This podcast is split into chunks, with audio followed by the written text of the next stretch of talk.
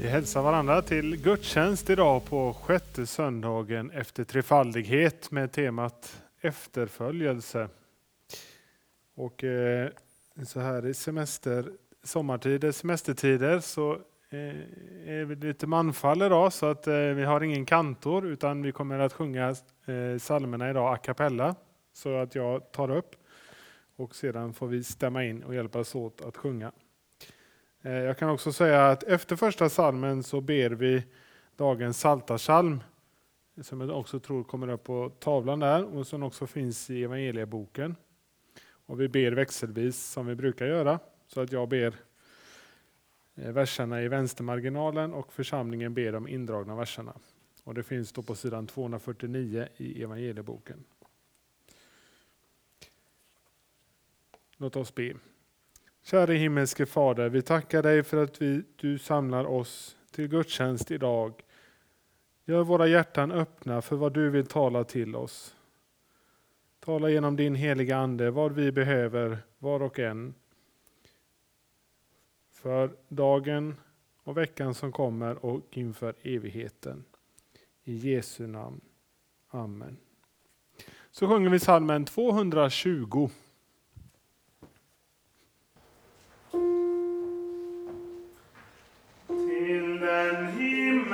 Som blir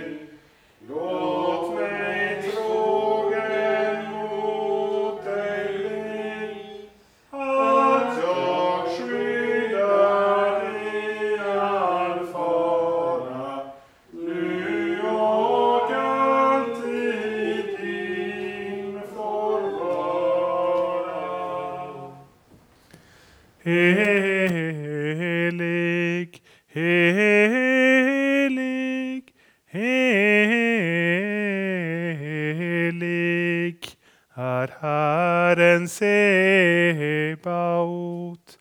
Hela jorden är full av hans härlighet. Vi ber dagens psaltarpsalm. Till dig, Herre, ropar jag, min klippa, var inte stum mot mig. Om du är tyst mot mig blir jag som det som går ner i graven.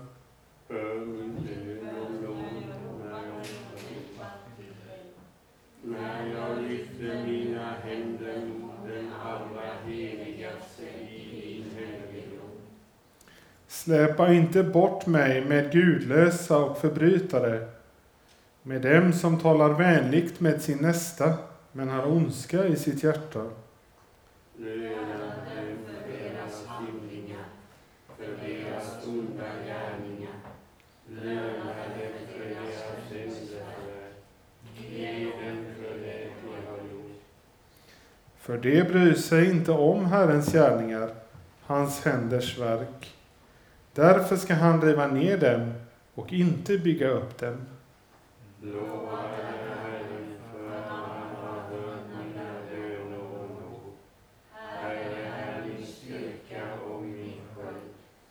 På honom litar mitt hjärta, jag får hjälp och mitt hjärta jublar. Honom vill jag tacka med min sång. Herren är sitt folks styrka. Han är ett frälsningens värn för sin svåre. Fräls ditt folk och välsigna din arvedel. Var deras hede och bär dem för evigt. Ära vare Fadern och Sonen och den helige Ande, så som det var av begynnelsen, nu är och skall vara, från evighet till evighet. Amen. Låt oss så bekänna vår synd och skuld med frimodighet.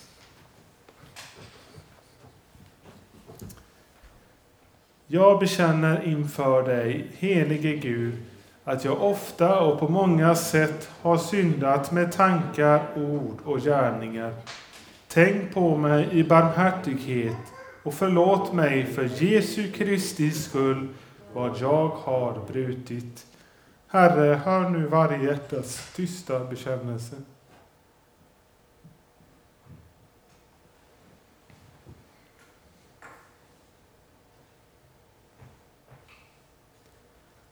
Jesu, Guds sons blod renar oss från all synd. Detta litar jag på och vill ta emot förlåtelsen för Jesu Kristi skull.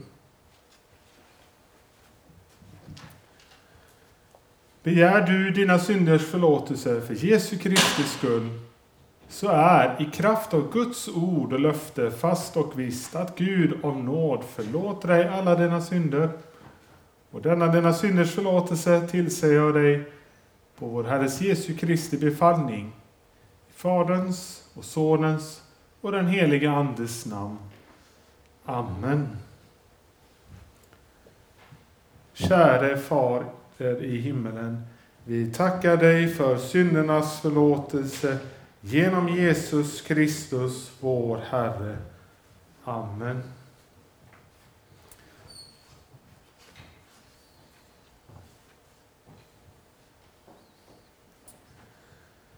Helige Herre Gud, helige starke Gud, helige barmhärtige frälsare, du evige Gud, förbarma dig över oss. Herre,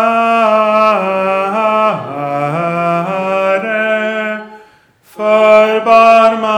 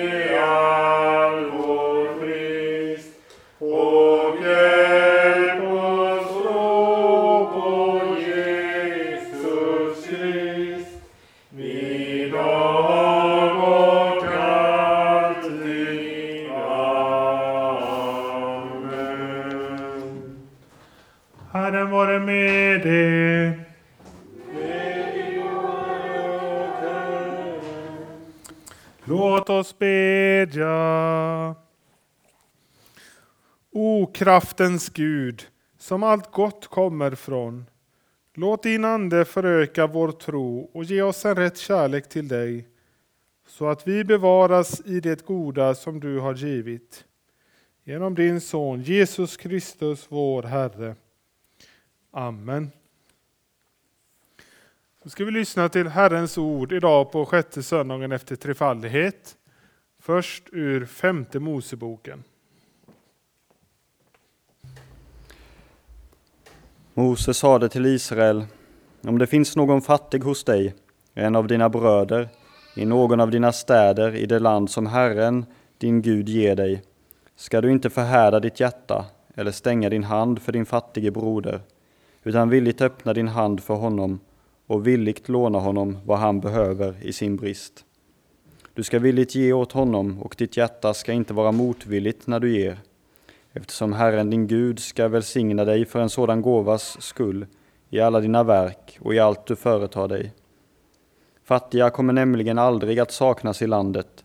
Därför befaller jag dig, du ska villigt öppna din hand för din broder, för de behövande och fattiga i ditt land.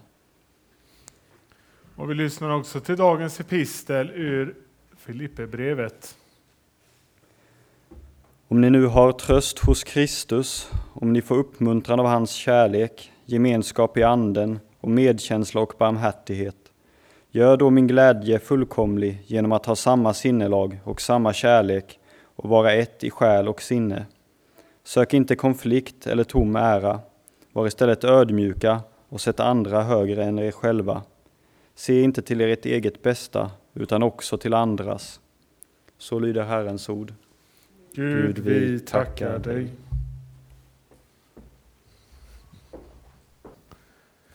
Salmen 274.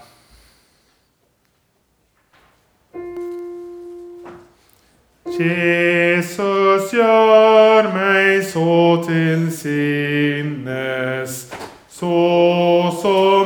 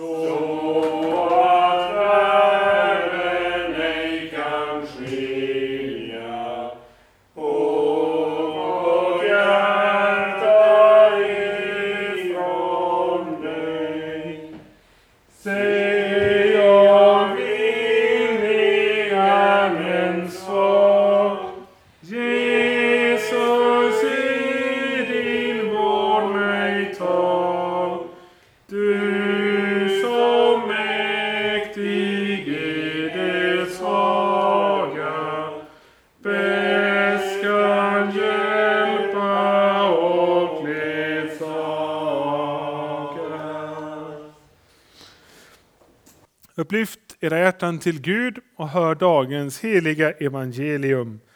Så skriver evangelisten Lukas. När tiden för Jesu upptagande var inne vände han sitt ansikte mot Jerusalem, fast besluten att gå dit. Han sände budbärare framför sig och de gick iväg och kom in i en samarisk by för att förbereda hans ankomst. Men folket tog inte emot honom eftersom han var på väg mot Jerusalem.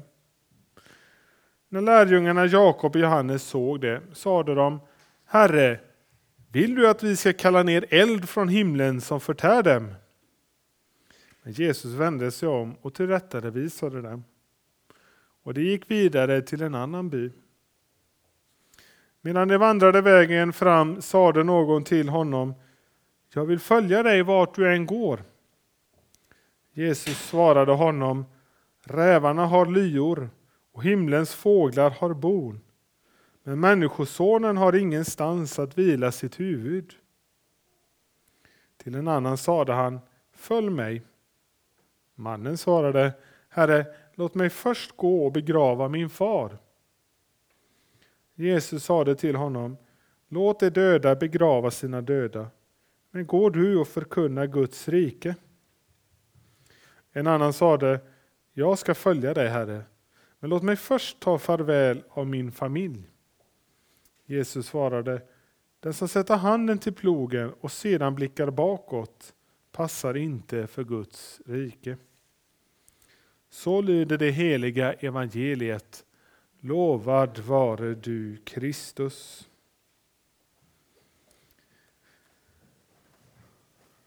Så sjunger vi salmen 81.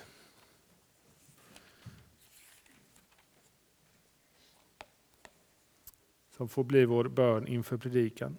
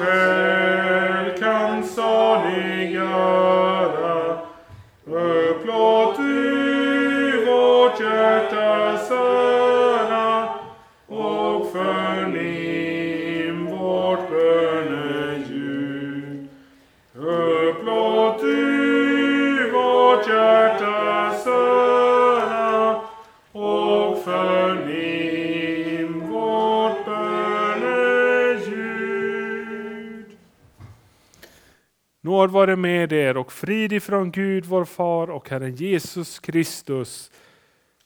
Vi ber. Ja, kära Herre Jesus, vi tackar dig för att du också denna söndag kommer vägen förbi oss här i Alvesta.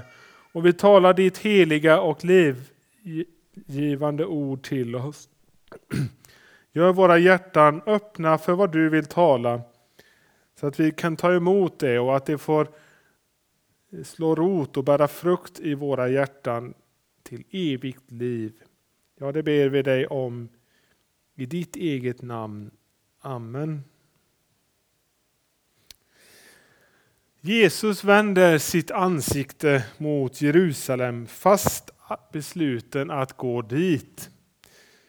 Ja, med de orden så signalerar Lukas att Jesus nu tar sikte på att visa sitt yttersta bevis på sin kärlek.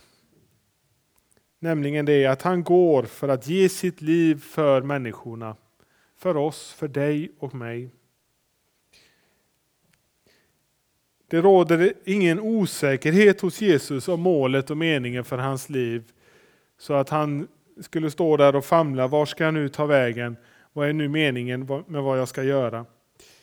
Utan han är fast besluten att gå dit. Lukas stryker under detta. Och han vet vad ska, som ska ske med honom där. Det har han själv förutsagt. Han faller inte offer för några olyckliga omständigheter som man kanske lätt skulle kunna tänka sig att det annars handlade om. Det är han som är fast besluten att gå dit och utstå allt det som skulle vänta honom där. För det var på detta sätt som Guds rike skulle gå i fullbordan. Och för att också Guds rike skulle kunna ta sin boning inom oss. Nämligen genom att Jesus fick lida och dö den död som var domen och straffet, inte för hans utan för våra och hela världens synder och skuld. Och istället ge oss det eviga livet. Han i vårt ställe för att vi skulle få gå fria. Detta är kärnan i det kristna evangeliet. Det glada budskapet om vad Jesus har gjort för oss människor. Och detta det tar nu sin början här hos, i Lukas skildring av Jesu liv på jorden. Och vi märker i vår text att när Jesus går vägen fram så är hans armar lika öppna och utsträckta som de är på korset, som vi ser på korset. Armarna är utsträckta för att samla, för att dra människor till sig. För att det inte ska råda någon osäkerhet om detta så skriver Paulus i första Timoteusbrevet att Gud vill inte att någon enda ska gå förlorad, utan att alla ska bli frälsta och komma till insikt om sanningen. Detta är Guds vilja. Och Jesus, hörde vi, sände budbärare framför sig. Budbärare som, som eh, skulle förbereda folket på vad som väntade, som skulle förkunna det glada budskapet om frälsaren som var på väg. Och att han nu kommer för att möta dem i nåd, för att dra dem till sig. Inte för att fälla domen över dem och sända iväg dem, utan för att ta emot dem i nåd, ge förlåtelse och upprättelse och dra dem in i sitt rike. Det som vi nu hör i dagens evangelium om människors olika förhållningssätt till Jesus, det kallar oss som är samlade för att lyssna till detta idag till självprövning. För orden som nu sägs och som vi hör om idag, det är ju ord som är riktade till oss. Och när vi hör dagens evangelium så kan man ju också fundera något över de här människorna som hade olika invändningar mot Jesus. Hur det, hur det blev med dem. Lyssnade de till Jesus eller gick de bort ifrån Jesus? Det får vi egentligen inte reda på. Hur det blev med dem. Och Egentligen så spelar det inte så stor roll för oss för de här människorna var det evighetsavgörande vilket val de nu gjorde. Men för oss som lyssnar idag så är ju snarare frågan, hur reagerar du och jag inför Jesu befallningar?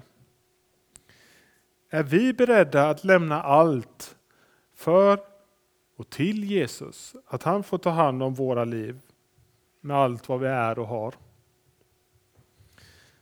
För idag, där och då, då var det dessa människor som mötte Jesus som var angelägenheten. Men idag så är det du och jag. Jesus har kommit hit idag för att tala sitt ord till oss. Och han vill ha en respons på det. Tar vi emot honom när han i sin stora kärlek kommer till oss i nåd? Eller låter vi honom gå förbi? Låter vi honom gå förbi? Det gjorde ju folket i den samariska byn vi hörde om. Man förstod inte att ta vara på den tid då Jesus besökte dem. När vi hör om Samarien och dessa människor där så kanske man kan tänka att det var så att de fick en ny chans längre fram när det i Apostlagärningarna berättas om hur lärjungarna kom till Samarien och berättade det glada budskapet om att Jesus hade lidit och dött för människornas synd och skuld och sedan uppstått på den tredje dagen. För då berättas det att människor där och då kom till tro också i Samarien.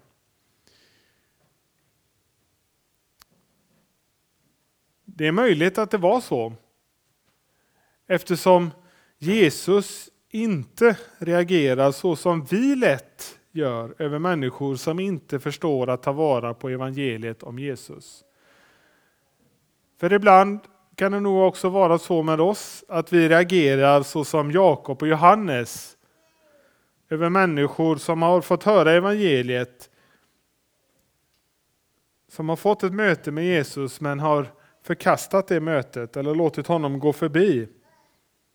Att vi reagerar, kanske inte ordagrant, men så ungefär i den sinnelaget som Jakob och Johannes hörde. Ska vi kalla ner eld från himlen som förtär dem?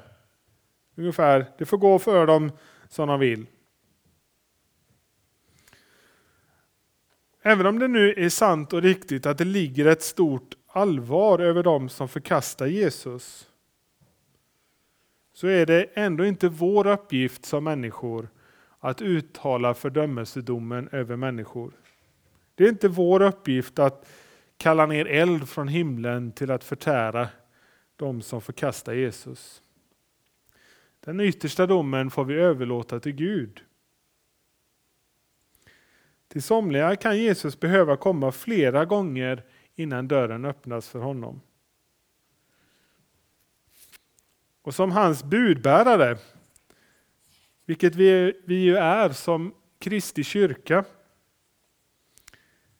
det är vi som bär budskapet om Jesus vidare ut i världen i denna tid. Så får vi som kyrka inte ge upp om människor så länge nådens tid är. Det kan ju lätt ligga till hands för oss att vi skulle ge upp och känna att det tjänar ingenting till med att fira gudstjänst, med att förkunna evangelium, eftersom människor ändå inte vill ta emot. Men det är inte vår kallelse att ge upp eller att uttala den eviga domen över människor, utan att kalla människor så länge tid är. Gud låter nådens tid vara ännu ett tag. Och då kan det ske märkliga ting när hans ord hålls levande bland människor.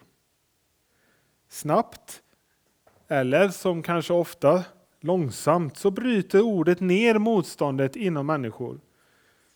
Så att en och annan fortfarande hörsammar Jesu kallelse till sitt rike. Det är ingenting som vi kan styra över mer än detta att vi oförtröttligt vittnar om, förkunnar Guds ord till människor, evangeliet om Jesus Kristus. Eller gör det möjligt på de sätt som vi är, har vår kallelse till. Så sker det undret att människor öppnar sina hjärtan för Jesus när han kommer till dem. Så låt oss därför inte ge upp om någon enda. känd eller okänd, stor eller liten förbrytare. Därför att Gud vill att alla ska bli frälsta. Det är Guds vilja. Även om det nu säkert är så att anstöten hos det samariska folket hade liksom politiska implikationer. Vi vet ju det att eh, folket i Samarien eh, inte gick bra överens med det judiska folket. Och att det säkert hade med det att göra som man inte ville ta emot Jesus eftersom han var på väg till Jerusalem. Så kan vi ändå förstå att det ligger en djupare mening och förståelse när vi hör om detta. Det vittnar om vad som människor i egentlig mening förkastar hos Jesus. Jesus hade ju tidigare varit i Samarien. Mycket kan sägas om Jesus och upplevas positivt av människor. Långt mycket fler än människorna som finns i våra kyrkor kan säga upp, uppskattande ord om Jesus och, och vad han och eh, ja, att han är bra på många sätt och vis. Men det är talet om korset, om världens enda frälsare, som blir anstötligt för människan. Och det ligger just i detta att folket nu reagerar och inte vill ha med Jesus att göra när han går till Jerusalem mot sitt kors. Och vi vet ju att till och med lärjungarna reagerade att nej Jesus, inte ska det hända dig. Man vill inte höra talas om korset. Ole Hallesby, kanske bekant för någon av er, eh, eller flera. Det var en norsk präst och predikant. Och han talade i norsk radio 1953. Detta är ju helt annan generation sedan. Och då talar han just utifrån den text som vi har fått lyssna till.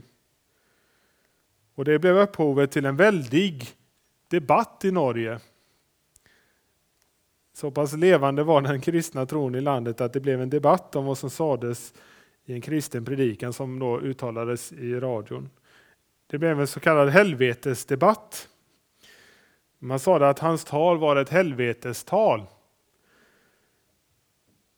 Och eh, det, hans tal det finns tillgängligt på nätet och är det någon som är intresserad så kan jag gärna skicka vidare länken till den. För när man läser den så inser man att, att eh, han påtalar visserligen med kraft faran som ligger i att förkasta Jesus och därför bli utanför Guds rike. Som också Jesus talar om både här och på, och på andra ställen. Men och, och I och med att det gav upphov till en så kallad helvetesdebatt så kan man tänka sig att det handlade väldigt mycket om helvetet i denna predikan, men det gör det inte. Utan när man läser predikan så inser man att han talar allra mest om Jesus som frälsaren. Han talar om Jesus som den enda läkaren som kan bota från den dödssjukdom som vi alla lider av. som heter Evig död och skilsmässa från Gud, livets källa.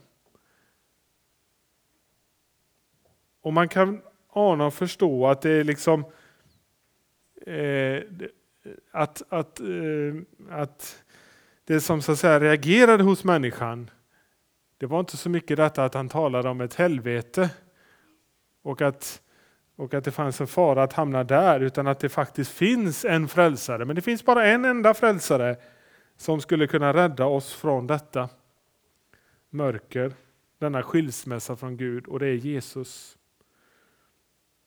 För så kan vi också i våran tid höra om hur människor eh, talar om, ja, man kan tala om helvete och, och att det liksom vår jord går mot sin undergång med detta med klimatkris och annat. Och, och sådant kan människor talas och nästan eh, vilja frotteras frottera sig i om hur det nu ska gå. Men människor reagerar om någon talar om att det finns en verklig räddning, en verklig frälsare från detta mörker. Märkligt nog. För det är ju ett erbjudande om att fritt och för inte ta emot det eviga livet. Medborgarskapet i Guds rike. Men det är verkligen sant som aposteln skriver. Ordet om korset är en dårskap för dem som går förlorade. Men för oss som är, blir frälsta är det en Guds kraft. Och så hör vi då de tragiska orden om Samarien. Och de gick, alltså Jesus och hans lärjungar, gick vidare till en annan by. De gick vidare till en annan by. Jesus tvingade sig inte på. Och han gör det inte idag. Han går vidare till nya folk och nya människor som vill höra evangeliet. Och vi får be och hoppas att de orden aldrig ska sägas om vår by eller om vårt land och folk. Detta att Jesus går vidare. För då är vi ju kvar i mörkret utan hopp om räddning. Om Jesus lämnar oss. Men, och som vi förstår av den andra delen i evangeliet idag, det avgörande mötet som måste till, det sker mellan varje enskild och Jesus själv. Hur reagerar du och jag inför mötet med Jesus när vi blir ställda inför honom? Vi hörde en hängiven person säga till Jesus, jag vill följa dig vart du än går. Men Jesus gör snabbt klart för honom att efterfölja honom inte per automatik innebär en rosenskimrande vandring här i världen. Jordisk framgång och lycka, det finns det andra som tävlar om för att ge dig på ett eller annat sätt.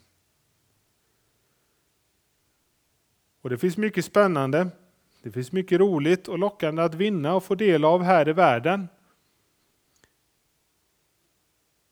Och det behöver inte alltid vara så att man måste avstå från det helt och fullt. Men man behöver ha klart för sig att bara en kan ge all den himmelska världens andliga välsignelse. Den himmelska världens andliga välsignelse. Och det är Jesus. Det är i honom som vi får del av den. Och den är större än något annat här på jorden. För vad hjälper det en människa om hon vinner hela världen men förlorar sin själ? Mer än en gång har frågan ställts, vad får du ta med dig i graven? Och ännu har ingen funnit något annat svar än att man inte får ta med sig någonting. Utan endast en sak har betydelse då och det är att du har din relation uppklarad med Gud, din skapare. Att du har frid med honom. Och det har du genom Jesus Kristus, din frälsare. Och med honom kan och får du övergå till det eviga livet.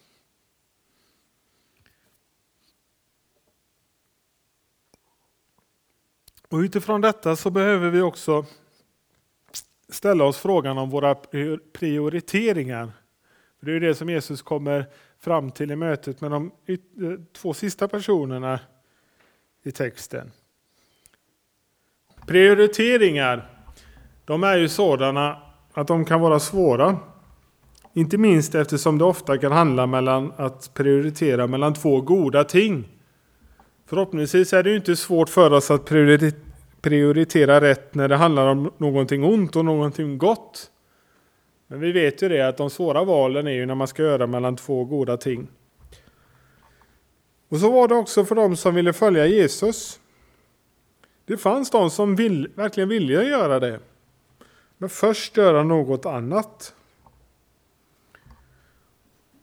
Och man kan fråga sig, är Jesus inte väl hård och kall när han inte ens låter dessa som vi hör om få ta farväl av sina familjer? Kärleken kan mycket väl svida och göra ont inombords när den säger sanningen.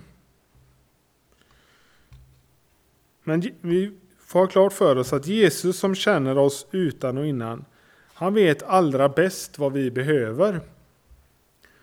Och just i denna situation så såg han att dessa människor behövde följa honom här och nu. Inte att skjuta upp det. Det finns alltid en fara med det man skjuter upp, att det liksom aldrig blir gjort. Och den verkliga faran är ju att skjuta upp detta att bli försonad med Gud genom Jesus Kristus. Jesus han ser ju att vi är i en verklig dödsfara när vi står utanför honom. Inget finns som får eller ska stå i vägen för Jesus. För när allt kommer omkring så är det han som är ditt allt. Det är han som är ditt liv. Det är han som är ditt hopp. Det är han som är din tröst. Och det är han som är din evighet. Det är på honom allt hänger. Och detta är ett budskap som är lika viktigt och lika avgörande också till dig som kanske redan för länge sedan blivit fångad av Jesus när han gått vägen förbi dig. Du är döpt och vill leva med honom. Och för att vi inte ska förlora vad vi skulle kunna kalla fascinationen och glädjen över att få tillhöra honom så kallas vi till den dagliga omvändelsen. Denna att varje dag få hämta ny nåd, ny förlåtelse för mina synder och försummelser och ny kraft till att fortsätta vandra vidare med honom i kamp mot synden och att gå i de goda beredda gärningar som han kallade till. Detta är någonting som vi varje dag får vända tillbaks till. Att varje morgon få bli påminn om att hans nåd är ny också denna nya dag. Att det är hans nåd att det inte är ute med oss som det talas om i klagovisorna. Så kan man få börja den nya dagen för hans skull. Och att varje dag få gå i tjänst för honom. Han som har gett sitt liv för att jag ska få leva. Och att varje kväll få lägga mitt liv Också det som under dagen har inneburit synd och skuld i hans sårmärkta och förlåtande händer och så få gå till vila i frid med Gud min skapare för Jesus skull. Detta är att leva i daglig omvändelse, att gå med Jesus var dag på vandringen mot det himmelska Jerusalem. Där kampen och striden för alltid ska vara fullkomligt utbytt mot segern och friden. Därför får vi till sist be hur tid din nåd och Fader blid, från nu och in till evig tid. Jag lämnar mig och vad jag har, tag Herre allt i ditt förvar. Mitt, mitt liv, min kropp och ande är din egendom, o Herre kär.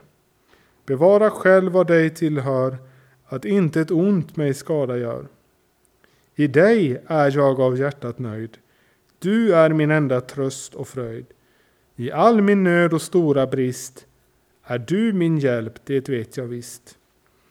Det är min tro, o Fader blid. Hjälp att jag alltid blir därvid. Ifrån ditt barn du aldrig vik, att jag må ärva himmelrik. Amen. Låt oss så gemensamt bekänna vår heliga kristna tro. Vi tror på Gud Fader allsmäktig, himmelens och jordens skapare. Vi tror också på Jesus Kristus, hans enfödde Son, vår Herre, vilken är avlad av den helige Ande, född av jungfrun Maria, pinad under Pontius Pilatus, korsfäst, död och begraven, nederstigen till dödsriket, på tredje dagen uppstånden igen ifrån de döda, uppstigen till himmelen, sittande på allsmäktig Gud Faders högra sida, därifrån igenkommande till att döma levande och döda. Vi tror också på den helige Ande, en helig allmännelig kyrka, det heliga samfund, syndernas förlåtelse, de dödas uppståndelse och ett evigt liv. Amen. Så ska vi sjunga psalmen 582.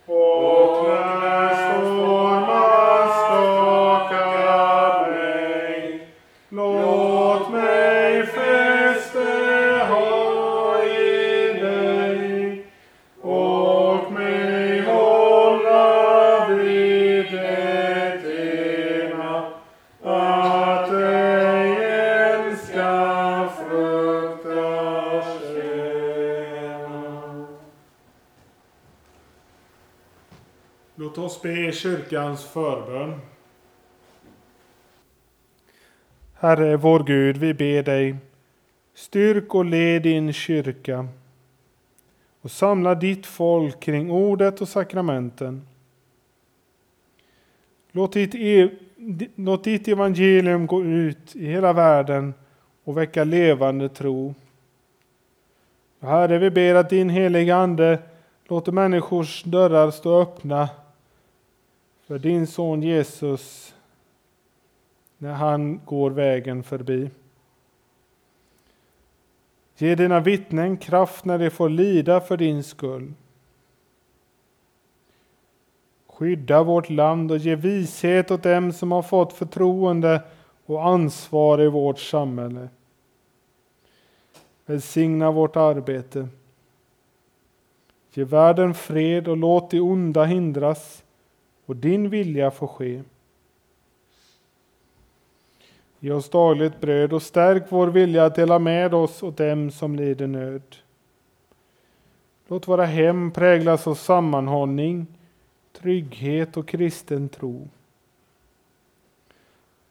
Och Herre, gör vår församling till ett hem dit människor kommer för att höra ditt heliga ord, bedja om din hjälp och tacka för din godhet och kärlek.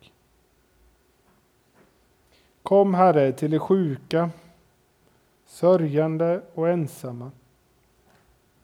Sänd oss till dem som behöver vår omtanke och vårt stöd. Följ oss hela livet med din nåd. Gör oss fasta i tron och låt oss till sist komma hem till din eviga glädje. Genom Jesus Kristus, din son, vår Herre. Han som också har lärt oss att be. Fader vår som är i himmelen. Helgat var det ditt namn. Tillkomme ditt rike. Ske din vilja så som i himmelen så och på jorden. Vårt dagliga bröd giv oss idag och förlåt oss våra skulder så som och vi förlåta dem oss skyldiga äro. Och inled oss inte i frestelse utan fräls oss ifrån ondo. Ty riket är ditt och makten och härligheten i evighet. Amen. Låt oss tacka och lova Herren.